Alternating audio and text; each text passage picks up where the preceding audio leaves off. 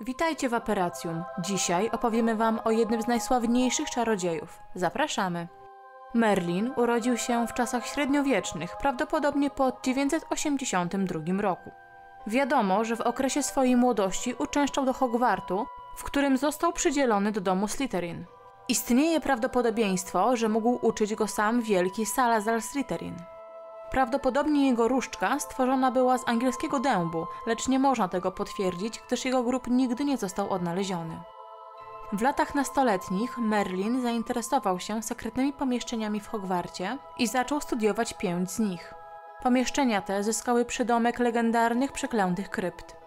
Wzbudziły one zainteresowanie Merlina nie tylko przez cel ich istnienia, ale również przez otaczającą je starożytną magię. W dorosłym życiu udało mu się być częścią dworu króla Artura, któremu to pomagał podczas jego rządów. Uważano również, że przyjaźnił się on z Ser Cadoganem. Merlin uważał, że ród czarodziejów powinien pomagać Mugolom i żyć z nimi w pokoju. W tym celu założył Order of Merlin, organizację, która promowała prawa Mugoli, tworząc zasady przeciwko używaniu na nich magii. W pewnym momencie, nie wiadomo jednak czy za życia, czy po śmierci Merlina, jego organizacja zajmującej się prawem Mugoli zmieniła się w nagrodę przyznawaną czarodziejom za wyjątkowe osiągnięcia lub zasłużenia dla społeczności magicznej. Sława Merlina sprawiła, że jego imię stało się częścią codziennego języka czarodziejów. Popularny okrzyk Broda Merlina i bardziej nietypowy Spodnie Merlina są tego przykładami. Uczniowie Slytherinu w Szkole Magii i Czarodziejstwa w Hogwarcie byli szczególnie dumni z tego, że Merlin, najsłynniejszy czarodziej w historii, został przydzielony do ich domu. Jest to jednak fakt, nad którym inne domy nie lubią się skupiać. Niektórzy z bardziej uprzedzonych ślizgonów w późniejszej historii mieli tendencję do ignorowania faktu, że szanowany Merlin był w rzeczywistości orędownikiem praw Mogoli i gardził supremacją czystej krwi. Merlin miał co najmniej dwa portrety w Hogwarcie.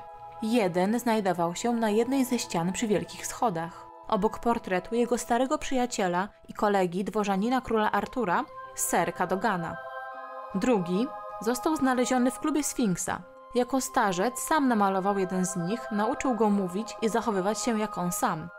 W 1988 roku portret ten udzielił mieszkańcom Hogwartu porady na temat przeklętych krypt gdy próbowali oni uwolnić Beatrice Highwood z obrazu, wyjaśniając, że aby zrozumieć naturę klątw nałożonych na każdego z nich, najpierw muszą wiedzieć w jakim celu zostały zbudowane te krypty.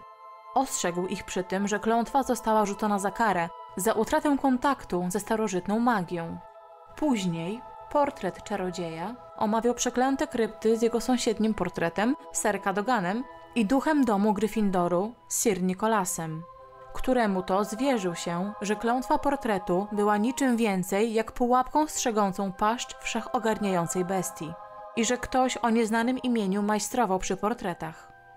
Wyraził również opinię, że gdyby członek Slytherinu prowadził szkołę, ich obecna sytuacja nigdy by się nie wydarzyła. Merlin zyskał przydomek księcia zaklinaczy przez umiejętność rzucania zaklęć. Został również umieszczony na kartach czekoladowych żab. To wszystko, co dla Was przygotowaliśmy. Dajcie znać, o kim chcielibyście jeszcze usłyszeć i na spodnie Merlina dajcie łapkę w górę.